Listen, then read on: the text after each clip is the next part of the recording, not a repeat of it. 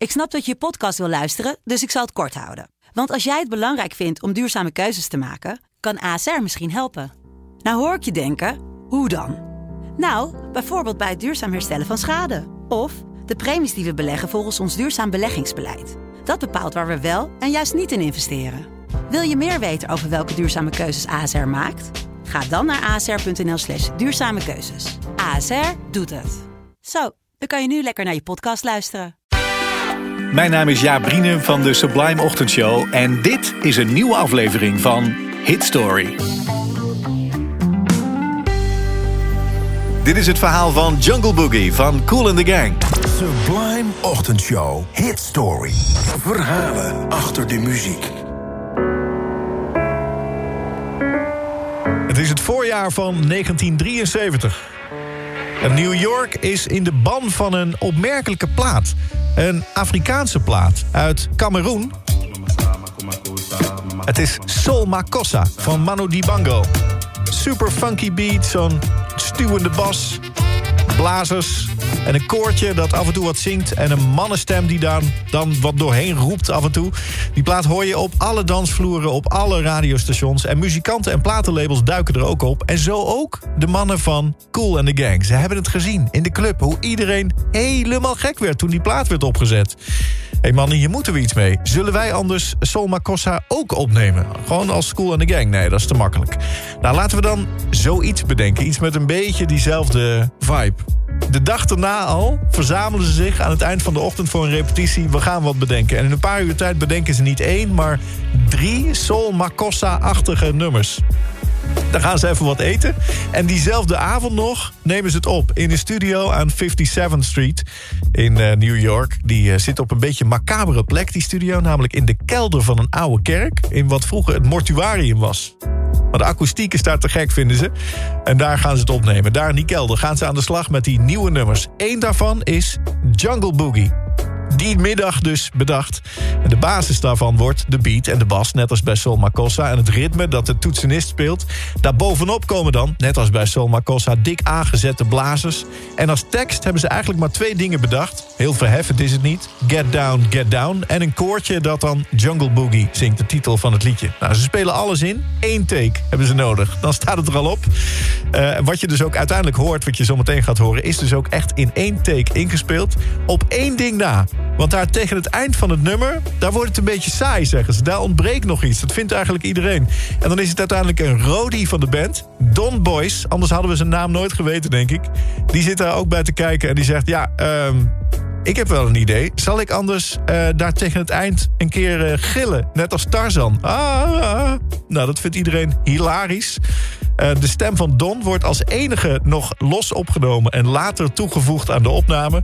Een razendsnelle productie. Smiddags bedacht, s'avonds opgenomen. Met helemaal aan het eind, let goed op... de Rodi met zijn Tarzan-imitatie. En missie geslaagd, want het wordt een hit. Cool and the Gang. Get down, get down,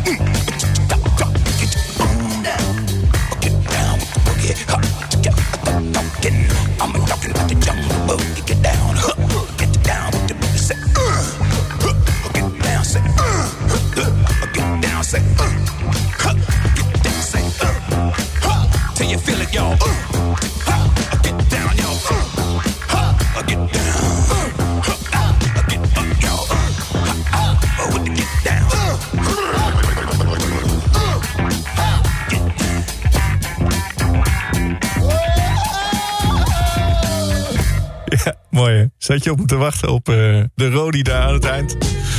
Don Boyce, de Rodi van Cool and the Gang. Helemaal aan het eind van Jungle Boogie zijn uh, Two Seconds of Fame. Want veel meer dan dat was het ook niet.